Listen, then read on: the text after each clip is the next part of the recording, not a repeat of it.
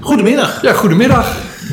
Ehm, welkom bij de Buitenparlementaire Onderzoekscommissie 2020. Wij gaan elkaar gewoon tutoriëren. We gaan niet net doen alsof we elkaar niet kennen. Eh, wij kennen elkaar al. Ehm, maar behalve dat wij vriendschap hebben, ben je ook ouder van eh, kinderen op Ja. school. Van kinderen op school.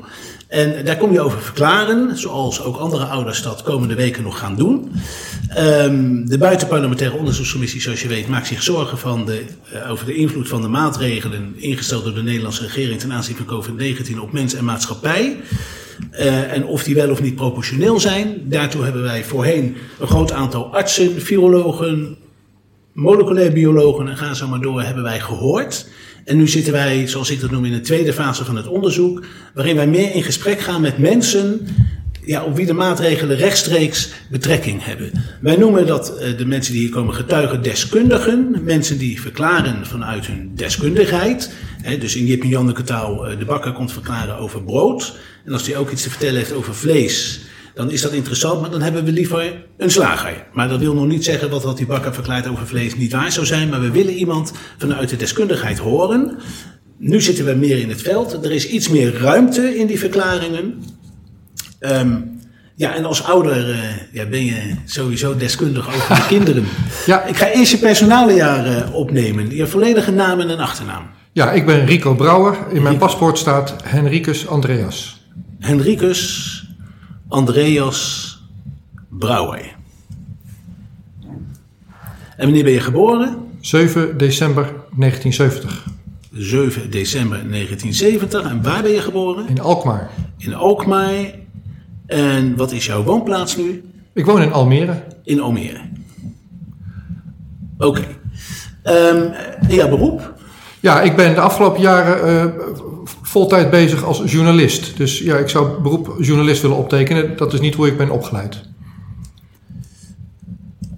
Je bent voltijd bezig als journalist. Ja. ja. Ehm, en hoe oefen je je beroep uit? Voor wie werk je? Voor wat werk je? Als zelfstandig ondernemer. Zelfstandig ondernemer. En ik maak eh, eh, voornamelijk eh, lange interviews via internet, internetkanalen. Oké. Goed, en je komt verklaren als ouder, alleen als ouder, of ook uit je deskundigheid als journalist? Nou, ik, ehm, je mag me vragen wat je wil vragen, ook als journalist. Maar toen jij zei, we gaan getuigen horen, eh, ook ouders, Ja. eh, had ik, vroeg ik aan jou van, oké, dat wil ik ook. Want daar heb ik eerste hand ervaring in en ik heb gezien wat, wat de corona-lockdown heeft gedaan ja, met, met mijn gezin en mijn kinderen. Dus ik, en ik vind het belangrijk dat het opgetekend wordt. Dus vandaar dat ik hier ben als ouder. Oké, als ouder. Goed, ik nodig je uit om eerst, eh, eerst eh, maar dat, dat heb je nu eigenlijk al een beetje gedaan, kort te vertellen waarom ben je hier nu? Hè? Dus eh, wat is je reden om hier te komen verklaren en wat verwacht je ervan? En dan gelijk daar achteraan jouw verklaring met ons te delen. Ja, nou, als eh, ehm, vader. Nou, eerst even de gezinssituatie. Ik ben getrouwd. We hebben samen twee kinderen. Een dochter van, van eh, 11 en een zoon van 14. En ehm, de manier waarop ik mijn kinderen probeer op te voeden is eigen verantwoordelijkheid. En eh, ze hebben een groot eigen geweten. En, eh, en denken ook over die dingen zelf na. Van ja, wat, wat wil jij dan? Dat vraag ik ze ook. Ja. Op het moment dat het eh, spannend is op school, mondkapjes of andere maatregelen, vraag ik als eerste: wat zou jij, jij willen dat ik doe? En ja, tot nu toe volg ik ze daar ook in alles in eigenlijk. Zij kunnen dat gerust zelf goed bedenken. Dus in die zin ben ik wel terughoudend in eh, hier getuigen, want ja, het is hun verhaal ook. Maar jij doet ook geschiedschrijving eigenlijk. Eigenlijk leg je met je buitenparlementaire onderzoekscommissie vast ja, wat, wat Nederland overkomt. En ik vind het belangrijk om dat ook mee te geven, zeg maar. Want ik zie dat wat er uit Den Haag komt en wat er in de grote media geschreven wordt, ja, dat is niet allemaal even eerlijk. En Dat is jouw persoonlijke opvatting ja, dat is, dat is mijn opvatting als journalist, zeg maar. Dan. als journalist. Ja. En ik vind het belangrijk om wat ik meemaak als ouder, om dat wel opgeschreven te krijgen. Dus dat kom ik hier dan eh, eh, vertellen. Dus vandaar dat ik ja, als journalist en als ouder dat hier nu samen bij jou kom vertellen. Oké. Nou, dan nodig ik je uit om jouw verklaring met ons te delen. Na de hand zal ik ongetwijfeld nog wat vragen hebben, maar die komen dan na de hand en die worden door de griffier ook onderaan de verklaring eh, genoteerd. Oké, nou ik heb dat opgeschreven, dus dat ga ik voorlezen. Ik ben getrouwd, we hebben twee kinderen, een dochter van 11 en een zoon van 14. Onze eh, zoon zat in schooljaar 2019-2020 in 2 HAVO van een Dalton school. Nou, Dalton is een soort onderwijsmethode en onze school zegt daarover... De kern daarvan is dat we denken dat je vooral goed leert als je daar zelf verantwoordelijk voor bent. Nou, dat vinden we zelf dus ook. Vandaar dat hij, dat hij ook op die school zit. Overigens was het zijn keuze, die school. Zo gaat dat bij ons thuis. Het leerjaar is verdeeld in drie delen, in drie trimesters. Je krijgt dus drie rapporten. En het derde rapport, samen met het eerste en tweede, bepaalt of je overgaat of blijft zitten. In 2 HAVO betekent dit of je door mag op de HAVO of dat je verder gaat naar de MAVO. MAVO voelde voor onze zoon als een uh, doemscenario. Daar zag hij erg tegenop. Dat wilde hij per se niet. En, uh, maar hij had slechte cijfers in het eerste semester. Hij maakte de keuze om met hard werken dat goed te gaan maken. En dat heeft hij ook gedaan. En dat heb ik gezien van dichtbij. Ik bedoel, hij maakt meer huiswerk dan ik vroeger deed, zeg maar. Ik herinner me nog goed hoe dat bij mij ging. Maar hij ging dat goed maken en dat heeft hij ook gedaan. Maar de lockdown in maart maakte dat toetsmomenten van het tweede semester, ja, die gingen niet door. Er werd niet getoetst. En ook in het derde semester werden er geen toetsen afgenomen. Hier was dus een jongen op 2 HAVO die een slechte start had gemaakt, maar geen gelegenheid kreeg om te laten zien dat hij zich had hernomen, dat hij het had goed gemaakt. Het bindend schooladvies van de school was MAVO, op basis van cijfers uit het eerste semester. De les die de lockdown aan mijn zoon gaf was: het maakt niet uit of je het kan. Het maakt niet uit dat je jezelf hebt hernomen. Het maakt niet uit of je je best doet. Het maakt niet uit of je verantwoordelijkheid neemt. Jouw school en jouw ouders waren oneerlijk tegen je in het, na het eerste semester toen ze zeiden dat je een keuze had om het goed te maken. De les die deze Dalton school gaf in de lockdown was dat uit eigen verantwoordelijkheid nemen niet uitmaakt. In het schooljaar 2020-2021, dat is waar we nu in zitten, moet hij naar school met een mondkapje op. Hij wil dat niet, maar de school geeft de kinderen geen eigen verantwoordelijkheid of keuze. Dan komt het voor dat hij zijn eigen mondkapje wel eens vergeet mee te nemen. En dan mag hij de school niet in. Het komt dus voor dat ik hem terug zie fietsen uh, naar huis om dat op te halen. En dan komt hij daardoor te laat op school. En het komt voor dat hij daardoor strafwerk krijgt. De mondkapjes die op school beschikbaar zijn, geven stofdeeltjes af, zegt hij. Die komen dan in zijn keel, dat vindt hij niet fijn, dat is ongezond. Dus hij wil die mondkapjes van school niet op. Hij kiest ervoor om liever straf te ondergaan dan dat hij ongezonde dingen doet. Maar wij kozen een school die in de kern stelt dat leren om zelf verantwoordelijkheid te nemen de kern is van goed onderwijs. De les die het onderwijssysteem in Nederland hem via deze school nu geeft, is dat je je dient te onderwerpen en als je je niet onderwerpt, dat je dan gestraft wordt. Dat was het verhaal over wat ik te vertellen heb als vader over mijn uh, zoon. We hebben ook een dochter. En die zat in het schooljaar van 2019-2020 in groep 7 van de basisschool. In de lockdown heeft ze wekenlang geen school gehad.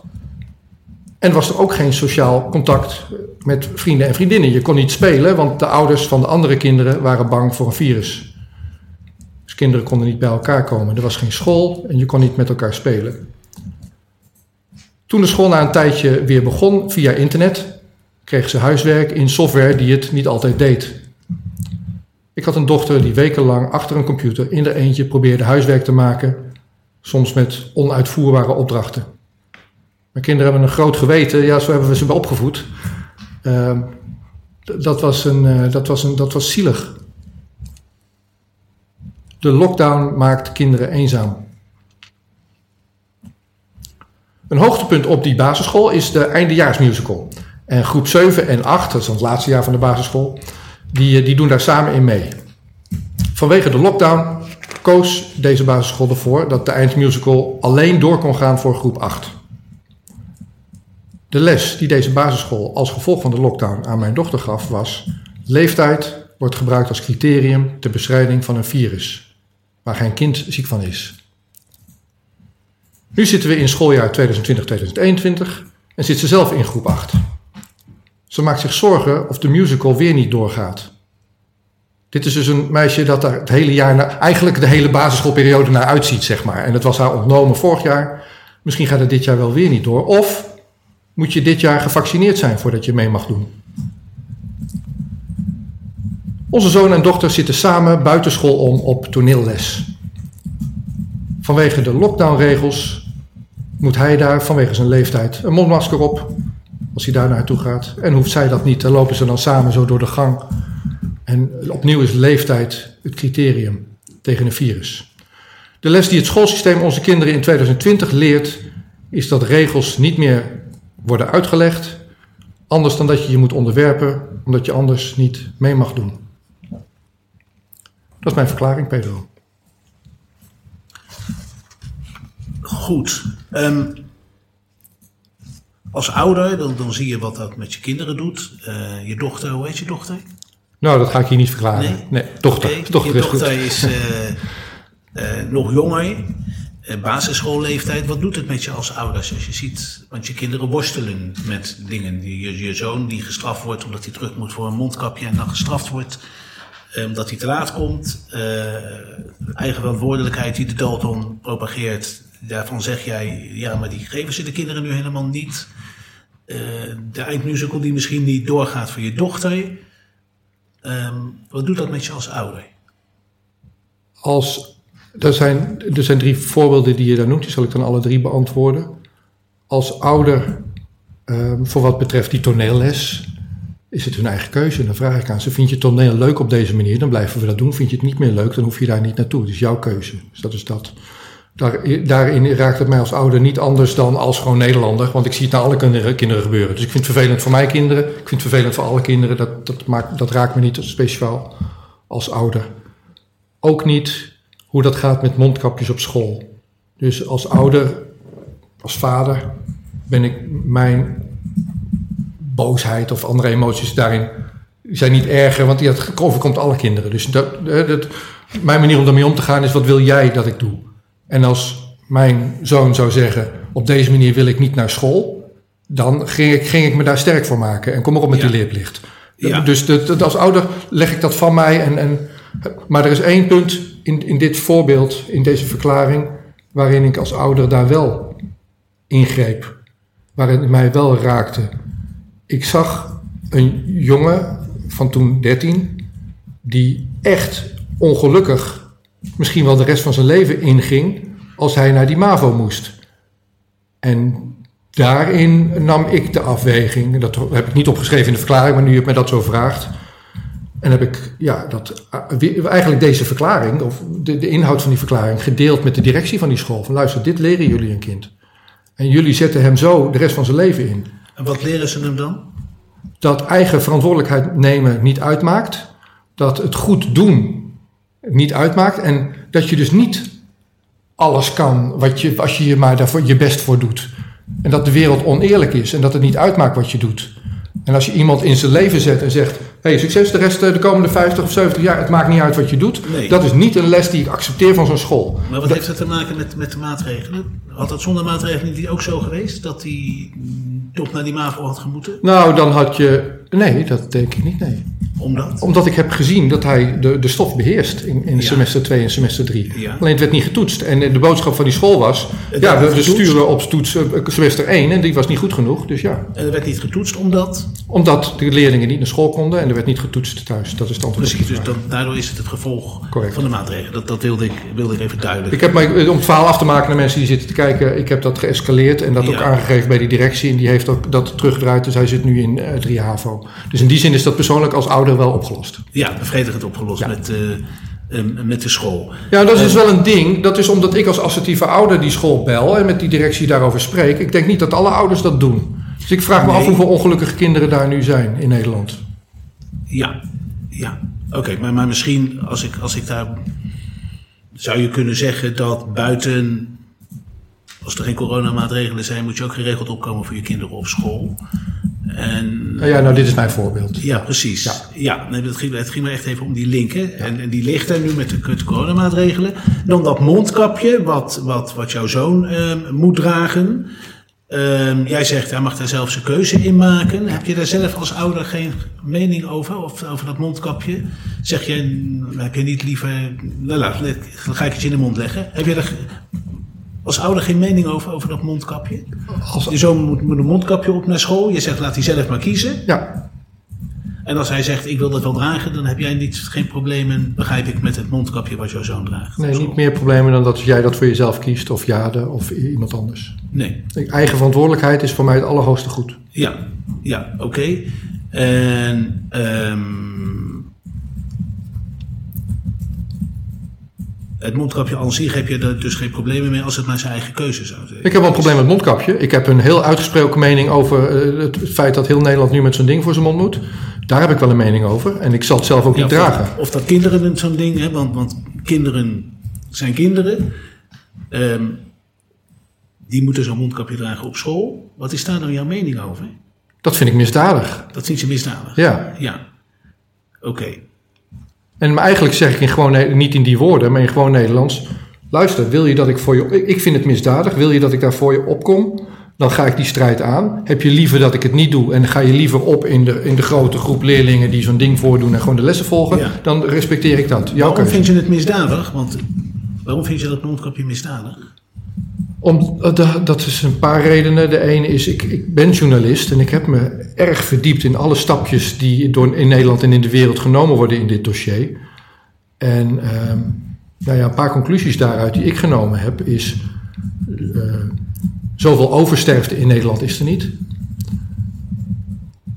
Een virus, eh, eh, mondkapjes helpen sowieso niet echt tegen het de, tegen, hoe dat, besmetten van een virus. En ehm, het voelt ongemakkelijk, het voelt, het voelt ongezond, het voelt ongezond. Ja. En ik dring jou dus iets op wat voor mij ongezond voelt. En het is een maatregel die niet helpt tegen een virus. En, maar het moet wel, het is verplicht. De misdaad, het woord misdaad noem ik wel echt. Rutte, Hugo de Jonge, ze overtreden artikel 10 van de grondwet. Artikel 10 van de grondwet zegt, je mag zelf weten wat je aandoet. En je mag zelf weten of je mondkapje voordoet. En zij dwingen je, ja, bij straffen van je kan niet naar school of je kan geen boodschappen meer doen of je mag niet in de trein, dwingen ze jou eh, ja, een kledingvoorschrift. Ja. Ja. Ze overtreden de grondwet. Dat is nog erger dan de wet, wat mij Ja. betreft. Ja, precies. En in het kader van die eigen verantwoordelijkheid zeg jij tegen jouw zoon van kies zelf. Het is jouw verantwoording, je moet zelf kunnen kiezen. Dus hij zou ook zonder moeten kunnen. Als hij zou zeggen ik ga zonder, dan zou je daar hard voor maken. Dan zou ik, dan zou, dan heb, je, dan heb ik ineens een heel ander verhaal met je. Ja, dan vertel precies, ik je ja. hoe ik die strijd met die school, met die school voer. Ja. Goed, en als je er niet over wil verklaren, moet je, moet je- want dat, dat heb ik niet voorbereid. Je zegt ik zit hier ook als journalist. Ehm, met een eigen kanaal, hè? Ehm, wat, maak, wat, wat, wat, wat maak jij als journalist mee? Kan je daar iets over zeggen? Wat, wat voor invloed? Want dat was je al voordat de maatregelen er waren. Ehm, kan je daar iets over zeggen vanuit jouw beroep als journalist, als, als, als vrij journalist? Wat, jij, wat, wat de maatregelen voor invloed hebben op jouw werk? Of zeg jij, ik kom hier nu echt alleen als ouder? Dan laten we het hierbij. Nou, ik wil je wel wat vert- vertellen, maar ik ben hier als ouder. Mijn verhaal is dat van een, van een ouder, van een vader. Ja, Als journalist is het eh, heel hoopvol dat mijn kanaal, daar wil ik er niet raar over doen of zo. Ik bedoel, ik, ik zend jou, jouw verhoren ook uit op, op podcast.nl. ja, Eh, dat is echt wel gegroeid nu. En ik zie dat Nederland eh, in grote getalen nu gaat zoeken naar informatie op plekken eh, buiten de NOS en buiten RTL en SBS en buiten Ja. de Volkskrant. Want ja, daar leren ze niet wat er aan de hand is. En dat zien ze dan, ja, no- noodgedwongen zou ik maar zeggen, in andere kanalen zoals dat van mij. Dus waar ik eerst honderden of duizenden kijkers heb, heb ik er nu af, eh, in het beste voorbeeld 150.000 op een uitzending. ja. Oké, du- dus Dat is heel hoopvol. dat is heel hoopvol. De coronacrisis heeft er positieve kanten. Mensen gaan zichzelf informeren op plekken buiten die televisiejournaal van eh, half acht, acht uur s'avonds. Ja, ja oké. Dus dat is wat jij. Is, is, is er nog meer wat je merkt als journalist nu met, eh, met, eh, tijdens de coronacrisis? De gevolgen voor jou als journalist? Nou, ik, ik merk wel dat. Kijk, ik, ik, kies, ik kies een manier van verslaggeving. En ehm, ik informeer mezelf. Ik nodig mensen uit van, hey, wat, wat is... Jij, ik doe eigenlijk hetzelfde als jij. Ik nodig experts uit op een vakgebied en dan vraag ik, wat doe jij daar dan mee? En ik noem dat dan activisten. En dat ben jij ook, Pedro, want jij, jij bent iets gaan doen met deze, met deze commissie. Die mensen uh, nodig ik uit. En um, dat is een oprecht eerlijk verhaal wat die mensen houden op hun vakgebied. En toch wordt dat geblokkeerd. En ik ben nog niet weggezet. Wat is er? Ja, ga ik zo vertellen. Ik ben nog niet weggezet door onze minister van Binnenlandse Zaken, Kajsa Ollongren, in haar rapport dat ze heeft laten opstellen door een universiteit, wat ze naar de Tweede Kamer heeft gestuurd over nepnieuws. Daarin had ze een opsomming gemaakt van 100 alternatieve mediakanalen. Wat ze aan de Tweede Kamer vertelde. Nou, dit zijn hyperpartisan junk nieuwskanalen. Nepnieuws in gewoon Nederlands. Daar stond ik niet tussen met mijn kanaal. Dus dat was dan wel weer mooi. Uh, tegelijkertijd worden interviews die ik nu maak gecensureerd op social media, op YouTube. Heel concreet, als ik een verhaal maak over mondkapjes met iemand die, die zich daarin heeft verdiept, dan mag dat niet van YouTube. En uh, dan is het mijn analyse, maar dan ga ik speculeren, dat weet ik niet zeker, dat het niet per se gaat over mondkapjes, maar dat het gaat over iets wat je zegt dat niet in lijn is met het beleid van de World Health Organization. Maar dat weet ik niet. YouTube zegt alleen maar, je houdt je niet aan onze gebruiksvoorwaarden. Ja, ja dus, dus, dus, dus dat, dat vermoed je. Dat vermoed ik. Ze zeggen alleen maar, je houdt je niet aan de voorwaarden. Dat is, en, dat is, dat is speculeren. En dat is speculeren. Ja, ja, ja. ja oké. Dus je, je zegt, je wordt... Nou, wat niet speculeren is, is dat ik dus mensen aan het woord laat die vanuit hun professie, vanuit hun overtuiging iets vertellen. Gewoon een eerlijk gesprek, zoals ik nu ook een eerlijk gesprek heb met jou. Dat wordt gecensureerd. Vind ik onacceptabel. Ik vind dat ja. Kajsa Ollongren, minister van Binnenlandse Zaken en de hele regering zich daarvoor moeten inspannen. Ik ja. ben pers, ik ben een oprecht eerlijk verhaal aan het maken. Zij moeten zich ervoor inspannen dat dat, op, dat dat uitgezonden kan worden. En zich niet bedienen, maar dat gebeurt ook, ze moeten zich niet bedienen van censuurmechanismen. Nee. Jij vindt, jij vindt dat, dat men zich bedient van censuurmechanismen? Kajsa Ollongren heeft dat rapport naar de Tweede Kamer gestuurd... waarin 100 kanalen staan die zogenaamd hyperpartisan junknieuws verspreiden. Ja, ja, en dat vind jij uh, censuur? Dat is voorsorteren op censuur. En ja. ik ervaar nu, een jaar, anderhalf jaar later, die censuur aan mijn eigen, aan, aan, ja, in mijn eigen kanaal. Omdat je geblokkeerd wordt uh, door YouTube. Ja, maar uitzendingen worden gewist en hoe dat dan gaat op YouTube. Kijk, heel Nederland zit, jullie zitten allemaal nog op YouTube. Heel Nederland zit op YouTube te kijken. En dat betekent dat ik daar zo'n kleine 10.000 uh, abonnees heb. Ja. Dat is meer dan op de andere kanalen. Op het ja. moment dat YouTube, en daar bedreigen ze me nu mee, zeggen nog één overtreding Rico en dan gaan we je helemaal wissen. Dan is mijn grootste kanaal naar Nederland toe in één keer weg. Ja. Dat is nogal wat. Wat je daarvan krijgt is zelfcensuur. Nu, nu post ik dan maar niet op dat kanaal waar al die volgers zitten, want anders gooien ze me weg. Ik zit zo meteen in een proeftijd tot 25 februari en daarna kan ik weer eerlijke gesprekken publiceren, denk ik. Ja. Ja. ja. Oké, okay, maar, maar die, die, die, um, dat nieuws wat jij brengt, dat wordt dus als nepnieuws gezien, dus dat vind je dus niet terug op de... Nee, dat, dat, dat wil ik niet zo zeggen. Nee? Het nieuws wat ik breng is volgens YouTube in strijd met hun voorwaarden. Oké, okay. omdat je het linkte aan mevrouw Ollongren? Nee, ik zei, Ollongren heeft een rapport laten schrijven door de uh, Universiteit ja, van Amsterdam. Daar sta je nog niet bij. Daar, nou, ik, ik werd daar ja. positief in genoemd. Dus er werden 100 ongeveer alternatieve mediakanalen uh, gesorteerd als hyperpartisan junk nieuws, nepnieuws. Ja. Uh, in de conclusie van dat stukje stond ook iets over podcasts. En uh, ze citeerde mijn slogan: als je echt nieuws wil onderscheiden van nepnieuws, is er maar één manier. Je moet zelf door de rook naar het vuur. Dat is wat ik doe. Ik praat met iedereen en, en op basis daarvan kan je dan zelf je conclusies trekken. Dus op een positieve manier werd ik daar wel in geciteerd. Even goed word ik nu op een negatieve manier gecensureerd, zoals Ollongren anderhalf jaar geleden voorsorteerde ja. naar die andere kanalen. Ja. En de geluiden die jij brengt hoor je niet in de gewone media. Uh, dat klopt, ja. ja. Nou, heel concreet. Jij hebt hier um, Peter Borger geïnterviewd over uh, de coronatest. Ik heb Reiner Fulmi geïnterviewd. Dat is een advocaat die vanuit Duitsland uh, rechtszaken gestart is. Echt hele grote rechtszaken. Over, over, de, ja, over het beleid wat wereldwijd gevoerd wordt. Op basis van die, van die coronatest. Ja. Nou, dat heb ik nog niet op de NOS gezien, zou ik maar zeggen. En hij zat wel in mijn uitzending. Ja, oké. Okay. Daar ben je trots op. Daar ben ik heel trots op, ja. ja. Oké. Okay. Heb je nog iets toe te voegen uh, verder, Rico, uh, aan je verklaring als ouder of als journalist? Nou, mijn verklaring was als ouder, dus het maakt me niet ja. heel veel. Ik ga het wel nalezen, ja, dus het maakt ja. me niet zo heel veel uit wat je daarvan hebt opgeschreven. En, uh, maar de verklaring hier is als ouder. Ja. En ik heb daar niets aan toe te voegen. Oké. Okay. Behalve dat als mensen vragen hebben, dan weet je me te vinden. Podcast.nl. Goed, hartstikke goed. Um, Ja, dan maakt het nog even af. Ja.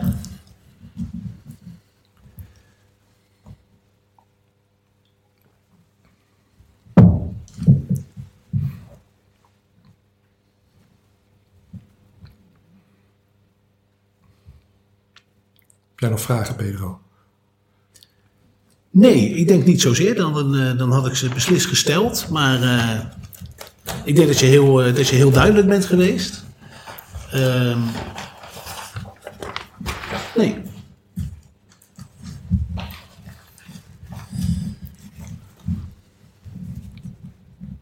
Nee, wat wel bij hem ook kwam is... Je hebt niet overwogen om je zoon te verbieden met een mondkapje naar school te gaan. Nee, zeker niet. Nee. Nee. Nee. Nee, mijn eigen twijfel is wanneer doe ik zo'n ding voor? En ik eh, kwam terug van een interview met Frank Rusink. Die heeft eh, heel lang geprobeerd, anderhalf jaar lang geprobeerd, via brieven een dialoog te krijgen met, met Tweede Kamerleden, met politici. Ja. En ik kwam terug en mijn benzine was op, dus ik moest tanken. En ik sta voor de benzinepomp en denk, oh shit, dan moet ik ook zo'n ding op, hè, 1 december. Ja. En dat was de afweging van, wat doe ik nou? En ik ging dan zonder kapje, ging ik betalen. En dat was eigenlijk de keuze van, Rico gaat geen mondkapje opdoen. Nee. En ik ga ook niet zeggen dat ik een uitzondering ben. Ik vind mezelf geen uitzondering. Nee. Dus Nee. op het moment dat ik een boa of weet ik wie in een uniform voor me heb die zegt: ehm, Ja, je moet een mondkapje op. Dan zeg ik: Nou, dat is slecht. Ik acht dat slecht voor mijn gezondheid. En dat is ook echt waar. Dat is slecht voor mijn gezondheid. Daarom draag ik dat ding niet. Nee. Dus, maar sommige mensen zeggen: Nee, maar ik, ben een uitz- ik val onder de uitzondering. Kijk, ik heb een geprint dingetje van de overheid. Ja. Ja, dat heb ik ook in mijn zak. En als de boa graag dat papiertje wil zien, zal ik het laten zien. Vraag Ja. ik meteen erbij: Helpt het als je dit papiertje ziet? Werkt het dan Ja. wel? Het is slecht voor mijn gezondheid, dus het lijkt me niet goed dat ik hem aandoe. En dat is ook echt waar. Ja. Ik voel me zeer ongezond als ik hem aan heb. Ja. Duidelijk. Ja. Ja. Nee, meer had ik niet. Ik heb één vraagje. Ja, dat wel. Het is, dat is echt een heel klein technisch dingetje hoor, maar je hebt het over MAVO. Eh, bedoel je dan VMBO? Ehm, Of, want volgens mij bestaat dat niet meer. nee, de MAVO bestaat nog. Ja? Je hebt MAVO, Is HAVO. Nou, ik, ik heb geen kinderen meer op school. Ik neem Rico, dat Ja, hij, nou, hij, is, hij is deskundig als ik ouder. Het is, ma- het is MAVO, HAVO en dat bestaat gewoon nog. Ja? En in ieder geval, dat verklaar ik naar eer en geweten als eh, vader. Ja, Oké, Ja. laten we het zo staan. ja. Ik weet het niet. eh, ik, ik, ik hou het niet meer bij. eh, ja. Dat is voor ik mij weer een tijdje geleden. VMBO noemen, maar dat is dan weer... Nee, VMBO is- ik ben docent geweest op een VMBO. Dus, eh, en Oh, ik, dat is wat en- anders. Dat is iets anders, ja. En ik, heb de, ge- ik, ik vertrouw jou. Ik moet zeggen, de getuigenverklaringen... Nu, jij, jij gaat op print drukken, dus we zetten dat kletsen. De getuigenverklaringen die ik gehoord heb hier eerder vandaag... Van, eh, van die twee docenten, die raken me erg. En ik ben eigenlijk wel blij dat ik nu niet meer werk als docent op een VMBO. Want ik weet niet wat ik daar gedaan zou hebben. Maar Nee. ik denk dat ik eerder weggegaan was dan, dan deze twee dames. Ja. Ja. Goed, ik ga hem afdrukken. Dan, eh, als ik iets heb opgeschreven waarvan je zegt dat eh, nee, Dan zeg ik eh, nee. dan.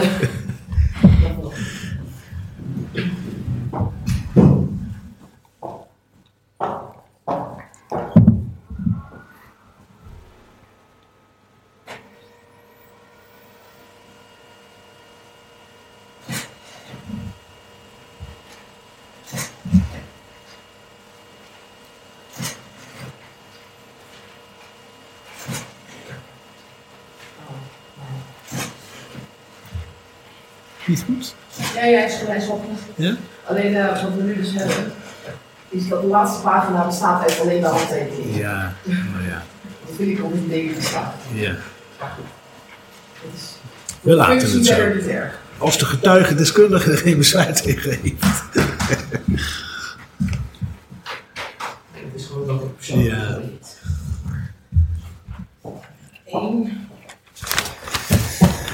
Eén Ja. Geef ik die alvast aan jou, eh, Rico.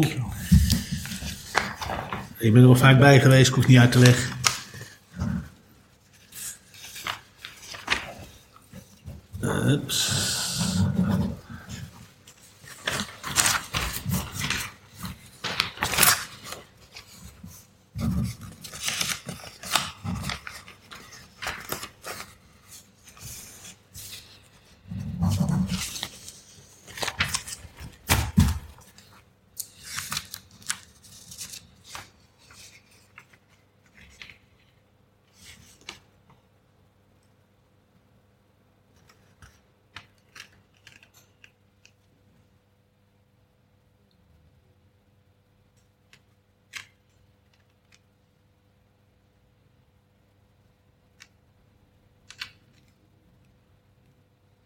Ja, dat, is toch, dat vind ik niet helemaal goed. Ik wil u ook graag iets vertellen vanuit mijn functie als journalist. Ik, dat zou ik willen dat je dat verandert. Dat is de laatste pagina alleen. Ja. In, nu je me dat zo vraagt of zo. Want ik ben hier niet als journalist. Eh Pedro vroeg daarom. Zal ik ervan maken, u vraagt mij om iets te vertellen? Ja, zoiets vind ik mooi. Kun je gelijk die... eh Ja. kan je naar buiten, kan je iets naar boven Ik heb de opmaak even Kun je de opmaak even veranderen? De rest van de tekst is wel... Ik ga het nu lezen. Ja? maar Die regel die, eh, was niet goed. Het is bij deze, u vraagt mij om iets te vertellen vanuit mijn functie als journalist. Ja, dat is prima. Je hoeft ook alleen de laatste pagina te- opnieuw af te drukken, wat mij betreft. Kijk maar, maar maakt niet uit. Oh ja, dat kan natuurlijk ook. Nou, nee, want ik... Nee, Kijk wat jij wil. kan niet, want ik moet het ook veranderen. Ehm.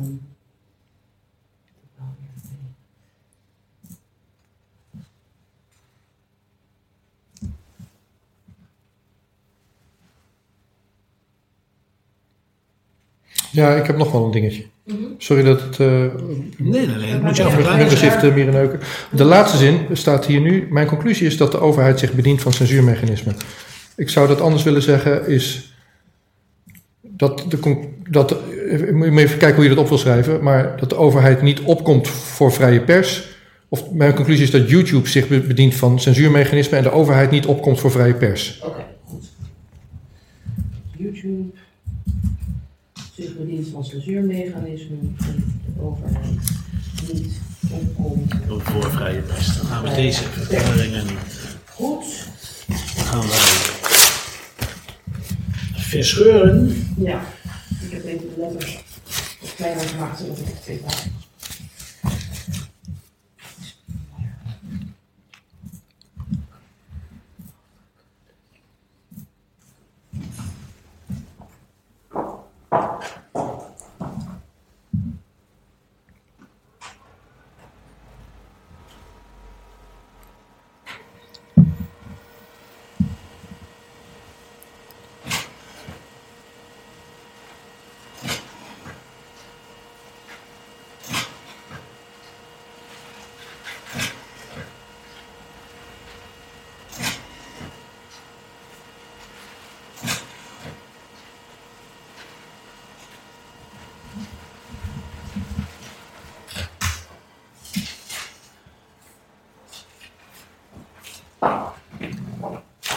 Ja.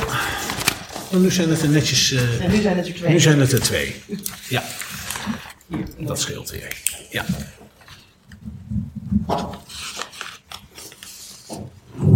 Nou. Daar is het. eh.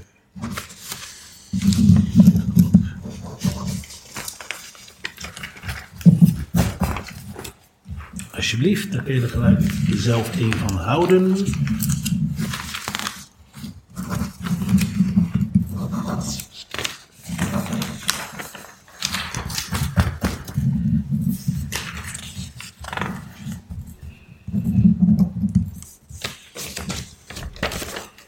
Ja, dankjewel. Goed, Rico. Dankjewel voor je verklaring. Ja, graag gedaan. Dankjewel, ja. dat-